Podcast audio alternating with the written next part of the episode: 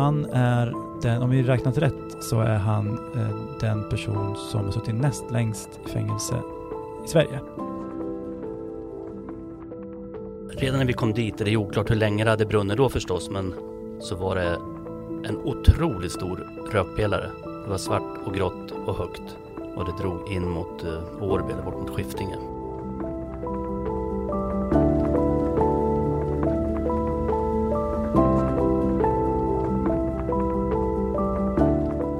Välkommen till ett nytt avsnitt av Ekokrim, Eskilstuna-Kurirens podd om brott i och omkring Eskilstuna.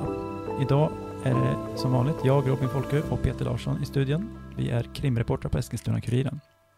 Ska du säga hej Peter? Hej Peter. Det, jag har varit borta från eh, arbetsplatsen här i nästan i två veckor, men det har hänt en hel del under den tiden, så idag tänker jag eh, ställa en hel del frågor till min kollega Peter här om, om allt som skett. Vi börjar eh, i det mest uppseendeväckande kanske. Det var i måndags den 25 september eh, vid lunchtid som det stod klart att en häftig brand hade utbrutit i en villa i, eh, på Årbygatan här i Eskilstuna. Om man kan adressen så förstår man att det är inte bara en villa. Det rör sig även om den lokal där Eskilstuna har sin största moské, vilket gjorde den här branden väldigt eh, intressant på många sätt. Eh, jag arbetade som sagt inte här då, eh, Peter, men du, du var i tjänst. Kan du berätta vad som hände? Vi satt åt lunch nere i lunchrummet när eh, det kom ett pling i telefonen att det var brand, precis som du säger, i Årby. Och eh, när vi såg adressen så blev det högintressant och jag sprang upp och hämtade en bilnyckel och skulle precis dra iväg när fotografen och reportern Joakim Serander kom ångande och skrek att jag ska också med och jag tar med drönaren. Så jag och Jocke var där precis när polisen höll på att spärra av området. Mm. Så ni var, ni, ni var väldigt snabbt på plats helt enkelt. Vad, vad var det ni kunde se då? Redan när vi kom dit, är det oklart hur länge det hade brunnit då förstås, men låt säga att det hade gått kanske 10-15 minuter efter larmet, max, så var det en otroligt stor rökpelare.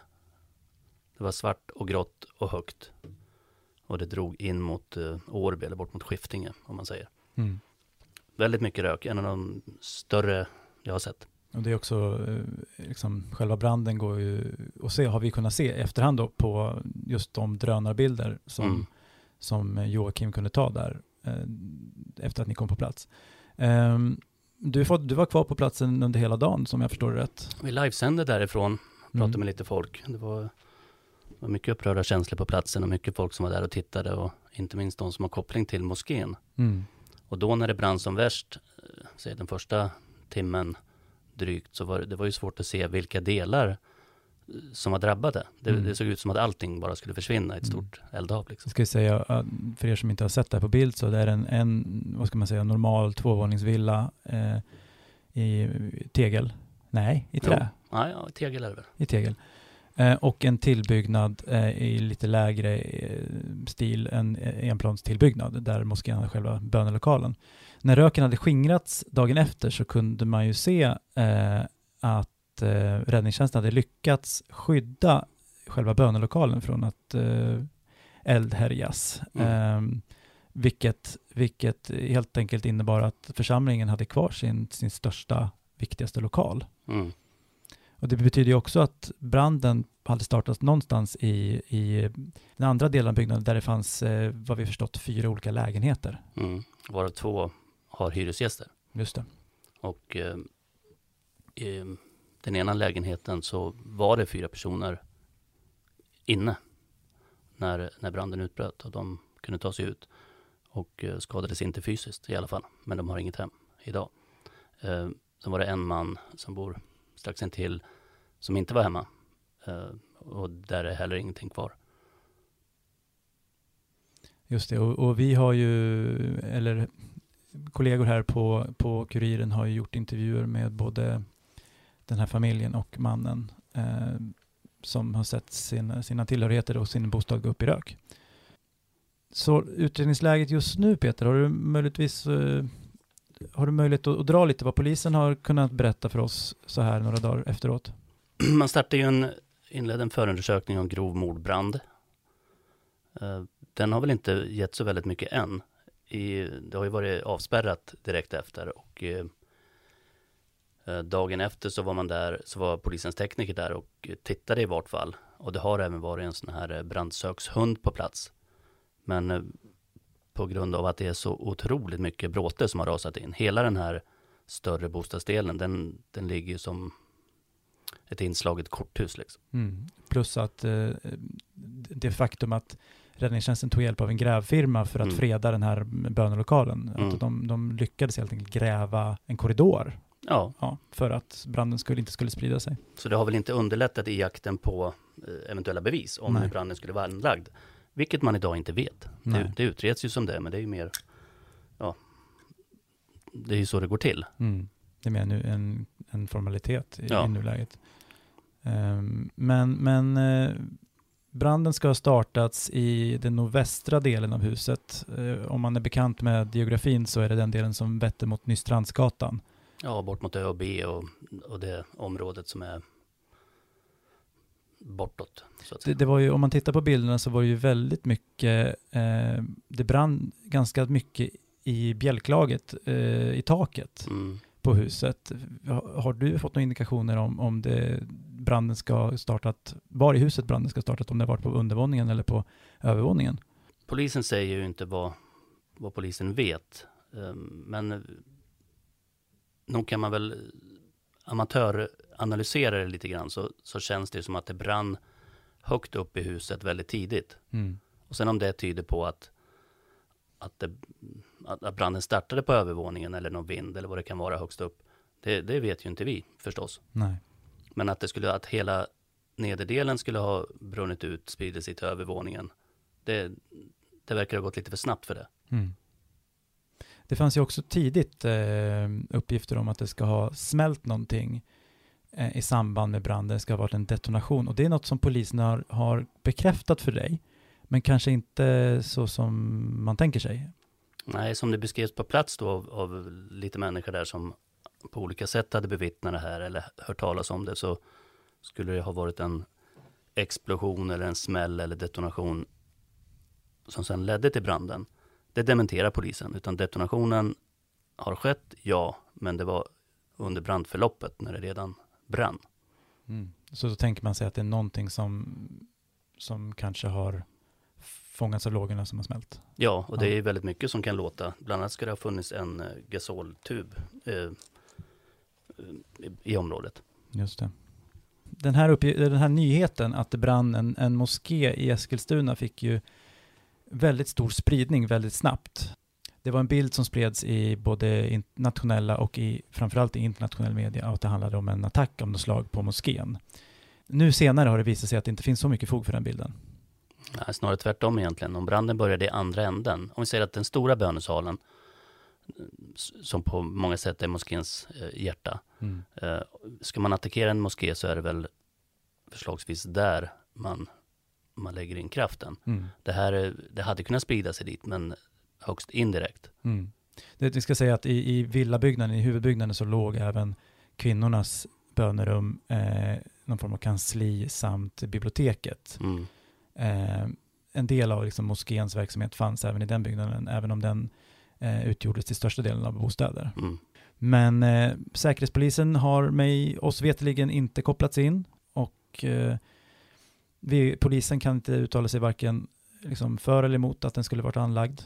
Nej, men förundersökningsledaren Anders Wigholm på grova brott säger ju att eh, det finns inga indikationer överhuvudtaget att det här skulle ha med, med religion att göra. Nej. Så det, det får vi tro på.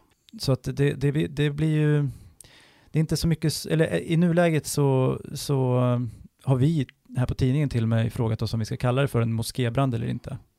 Vi får väl se vart vi landar. Mm den tekniska undersökningen skulle ju pågå veckan ut mm. och sen kanske vi har något svar i, i början av nästa vecka. Ja, som sagt det är ju svårt att hitta eh, spår i, i all bråte som finns, mm. kan, jag, kan jag tänka mig. Eh, vi kommer absolut att prata mer om det här i podden framöver.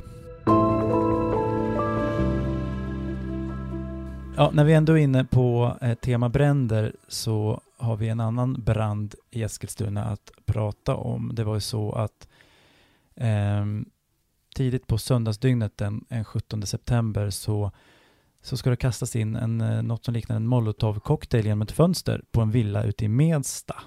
Det har du också skrivit om Peter. Vad, vad handlade det här om? Ja, det, det var ju högst oklart från början vad, om det hade koppling till någonting. Vi kan säga också att ingen, ingen skadades fysiskt vid det här tillfället. Och, eh, Det fanns folk i det, fann, det var en familj som var i, i, i villan Mm. eh, som kunde ta sig ut och eh, själva kunde släcka branden som orsakades av den här brandbomben.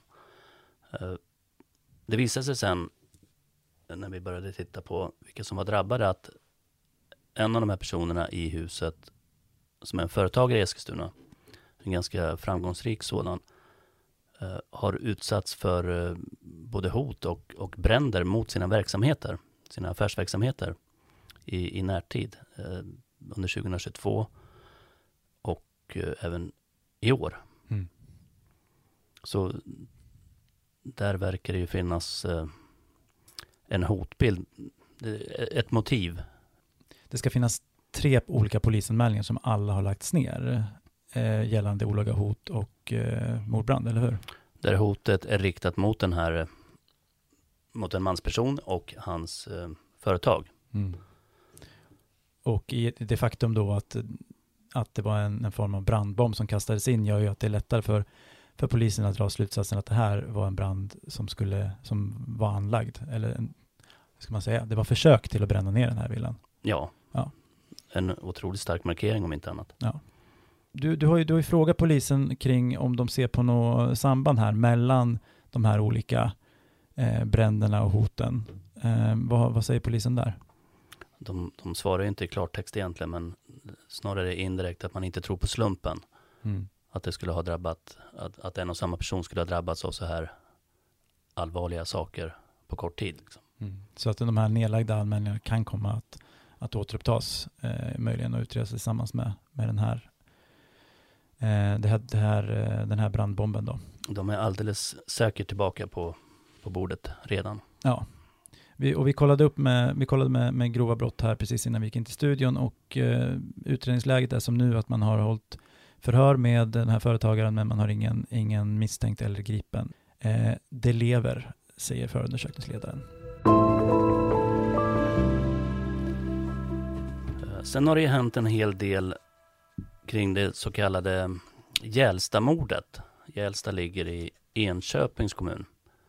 Eh, Ett naturområde där, där en 26-årig man hittades hängd i ett träd. Och där eh, fem mycket unga personer greps, anhålls och suttit häktade en längre tid. Mm. Var, var är vi där idag? Ja, eh, nu har det ju kommit ett åtal i, i det här målet som liksom har jäckat oss och väldigt många andra kriminaljournalister, eh, kanske framförallt i, i Uppland, eh, men även på kvällstidningarna under många månader nu. Det var ju i april som den här 26-åringen hittades hängd i, i, i trädet och som, som ehm, de här, det var fem stycken, fem ungdomar som, som greps och häktades misstänkta för mord. Det i sig är ju otroligt uppseendeväckande. Man undrar ju vad 17, det finns så många ovanliga ingredienser i det här fallet att, att man kan inte låta bli att, att undra vad 17 som har hänt. Fler detaljer har ju kommit fram nu när, när eh, åtal har väckts mot de här fem, fem ungdomarna. Det rör sig om en flicka som är 16 år samt eh, en 18-åring och en 17-åring från Eskilstuna. Eh, de är bröder och deras halvbröder eh, som är 16 och 17 år boende i Uppsala. Så det är ju alltså fyra personer här, mans, pojkarna är eh, släkt med varandra. Mm. Gällande de detaljerna, eh, du har läst åtalet i alla fall Peter, vad, vad kan vi säga? Vi kan säga att eh, 26-åringen som hittades efter att ha varit försvunnen i nästan två veckor. Eh, han hittades hängd i ett träd. Han var djupfryst. Så kroppen var väldigt väl bevarad och kanske därmed en del eh, Det kanske underlättade för den, eh, den eh, rättsmedicinska undersökningen. Precis. Uh, han ska ju som sagt ha hängt där en längre tid. Uh, och när, uh, när de hittade honom och de här repen som han hängde i så, så hittade man även DNA som kan kopplas till de här fem ungdomarna på olika sätt. Och det har gjorts husransakningar husrannsakningar både i Eskilstuna och Uppsala. Där man också har hittat eh, tillhörigheter som kom från den här mördade 26-åringen. Just det, man ska, man ska ha rånat honom också samtidigt. Ja, man ska i alla fall ha tagit hans tillhörigheter. Sen vad som, är, vad som var motivet är väl egentligen oklart, men en tes som, som åklagaren presenterar det är att eh, den här flickan som är en av de åtalade anmälde honom för våldtäkt. Hon gjorde en polisanmälan om våldtäkt en månad innan ungefär. Och när polisen väl skulle förhöra henne så var hon redan frihetsberövad. Mm. Um, det, det, här mordet har ju kallats eh, för taximordet i populär, populärt formulerat i kvällspressen eh, sedan, sedan eh, i våras. Um, men, ja, och det skulle ha sin grund i att, att den här 26-åringen ska ha kört en taxibil dit, men det här ska inte vara någon form av taxikörning ut dit. Nej, han ska ha kört ut själv. Hur, hur han blev lockad dit, det är ju, åklagaren hävdar ju att han lurades till platsen Aha. för att uh, träffa den här flickan. Och, och att uh, bröderna då fanns i bakgrunden och att mm. man då ska ha attackerat honom på något sätt och sen genomfört det här mordet. Just det. Men att det var en taxibil, det var det ju. Sen riktigt hur den kommer in i bilden. Han var inte taxichaufför, bilen var inte hans. Men det fanns en taxameter och den stod fortfarande på. Mm. Eh, har, har, ungdomarna pratat någonting i förhör sådär? Vi har inte, alltså den här förundersökningen är otroligt tjock. Det är, det är mer än tusen sidor. Mm. Eh, och vi har väl börjat lite grann att titta på vad, vad de har sagt. Jag har läst förhöret med en av de här Eskilstuna-bröderna som eh, i, i de delar jag har hunnit se tycker det här är väldigt kränkande att han, han får se de här bilderna på en hängande man. Han anklagas indirekt eller direkt för brott. Han har ju delgivits misstanke om mord, så visst, han är ju anklagad. Och han kan inte förstå det. Han tycker det är fruktansvärda bilder. Han tycker att eh, anklagelserna är absurda. Liksom. Mm. Så inga erkännanden på någon. Tvärtom, alla förnekar brott. Mm. De, de pekar ju heller inte ut varandra på något sätt. Nej, för det, man undrar ju vem som ska ha gjort vad. Och, ja, och där finns det väl vittnesuppgifter. Det är väldigt många förhör som har gjorts med kompisar till de här. Eh, där en av de ungdomar som tidigare var häktad men eh, släpptes ska ha pratat med en person som i sin tur har pratat med polisen. Mm. Och hon säger att den här personen har hört dem erkänna mordet. Att man har pratat om att man har dödat en, en våldtäktsman. Mm. Som de uttrycker det. Ja, eh, rättegången kommer börja här i början av oktober Eh, och eh, kommer med all säkerhet vara väldigt välbevakad eh, av riksmedier och även eh, våra kollegor eh, ute i lokalpressen i Uppland. Eh, det finns, kommer finnas mycket att läsa och prata om eh, framöver. Vi har fortfarande inte satt oss in i förundersökningen och vi, vi kommer göra det och prata mer om det framåt i podden, så, som vi brukar säga. Vi ska tillbaka till en av eh, en kvinna som du har bevakat eh, rätt mycket Peter. Det handlar om en eh, 23-årig kvinna som dömdes nyligen för att ha rånat guldfynd eh, i centrala Eskilstuna. Eh, och eh, nu har det visat sig att hon eh, har, kom, har åtalats för ännu allvarligare brott. Ja, hon, hon dömdes ju alltså för, ja, helt nyligen till eh, sluten rättspsykiatrisk vård med särskild utskrivningsprövning. Vilket innebär att hon kommer kunna sitta inne väldigt länge. Och redan innan hon dömdes till en sån påföljd så har hon ju dömts till flera eh, fängelsestraff just för rån. Det som var exceptionellt med den här som du just nämnde det är ju att rånet mot guldfynd gjordes bara timmar efter att hon hade blivit villkorligt frigiven från Hinseberg, mm, kvinnofängelset. Uh, och nu visar det sig att hon blev villkorligt frigiven trots att hon tre månader innan den villkorliga frigivningen eh, ska ha försökt döda en medfånge med eh, sax. Hon ska ha huggit och skurit mot en kvinnas hals, ansikte och kropp. Eh, och i det tumult som följde så ska hon ha stuckit saxen i benet på en kriminalvårdare. Mm. Det här fick dock inte kriminalvården att fundera på om hon skulle bli villkorligt frigiven eller inte. Men nu åtalas hon alltså för försök till mord alternativt försök till grov misshandel och eh, våld mot tjänsteman. Ja, eh, sannolikt så kommer väl eh, straffet eh, rättspsykiatrisk vård med särskild utskrivningsprövning att eh, bestå även efter även i en dom för de här brotten. Det, det, får vi väl se, men det är väl en gissning från vår sida som vi tycker är kvalificerad. Mm. Hon är inte dömd än kan man säga, men hon är åtalad för ja. brotten. Eh, nu till någonting helt annat. Eh, du har också skrivit en intressant artikel Peter om en, eh, en eh, man som dömdes för mord i Eskilstuna 1992. Eh, eh, mordet på Anna Jensen. Han är den, om vi räknat rätt, så är han den person som har suttit näst längst i fängelse i Sverige. I sträck, alltså utan? Ja, precis ett och samma straff. Han, han har då suttit, eh, han dömdes till livstid och han har nu suttit i 31 år och tre månader. Du har räknat ut att det är 11 400 dygn inne i fängelset. Och han fick avslag då på en ansökan ganska nyligen här. Ja, i veckan så beslutade Örebro tingsrätt som hanterar alla sådana här mål som rör omvandling av livstidsstraff till eventuellt tidsbestämt straff. Eh, att eh, han inte skulle få det. Och, och de tycker inte att det räcker med 31 år i fängelse då alltså?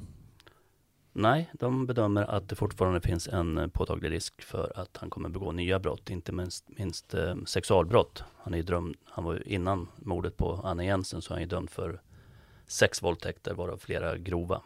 Men det, det är ju också så att du, du återger ju lite vad han själv har uppgett till tingsrätten här, att han, han har haft väldigt få sociala kontakter utanför fängelset. Han, han tycker också att det skulle bli väldigt jobbigt att komma ut, får man väl tolka det som. Varför ansöker man då överhuvudtaget? Jag vet inte, man kanske inte har så väldigt mycket att göra. Så får man komma ut och se någonting annat. Mikael Eriksson fyller alltså snart 62 år eh, och han är den som har suttit näst längst i fängelse. Vem har suttit längst då? Eh, en eh, mördare vid namn Tommy Alexandersson eh, från Enköping, han, han är 75 år. Han har suttit i 34 år i sträck. Han har just passerat Leif Axmyr, en dubbelmördare som, som dog 2018 när han var 80 år. Så det här är två betydligt äldre män än vad Mikael Eriksson är. Just det. Och han har ju möjlighet att bli den som har suttit allra längst. Mm, undrar om det är något han strävar efter. Men innan vi slutar för idag så måste vi ta med en uh, nyhet som har kommit in helt nyligen och det gäller domen i målet om tunnelmordet i Stockholm. Precis. Där en 21-åring från Eskilstuna som har pekats ut som gängledare sköts till döds med fyra skott i huvudet i en biltunnel samtidigt som han körde bilen. Hur gick det? Nu döms en av medpassagerarna, en 18-åring, också han från Eskilstuna, eh, till fängelse i tio och ett halvt år. Eh, det var väl ungefär vad åklagaren Daniel Jonsson ville och hade yrkat på. Han hade han yrkat på att, att, eh, att 18-åringen skulle få 12 år i fängelse. Eh, men eh, vi får väl analysera den här domen lite senare. Det är intressant att, eh, att det blev en fällande dom i det här fallet eftersom, som vi också har diskuterat, 18-åringen hade ju en invändning där om, eh, om nödvärn. Ni får in på vår sajt och läsa mer om det. Jag kan ju också passa på eh, faktiskt att tipsa om eh, vår mejladress som är ekokrim i ett ord snabel ekuriren.se. Ekokrim i ett ord snabel ekuriren.se. Eh, skicka feedback och tips och allt möjligt till oss eh, så hörs vi där. Nåväl, nu så får vi avsluta eh, dagens avsnitt. Vi hörs snart igen. Tack för idag.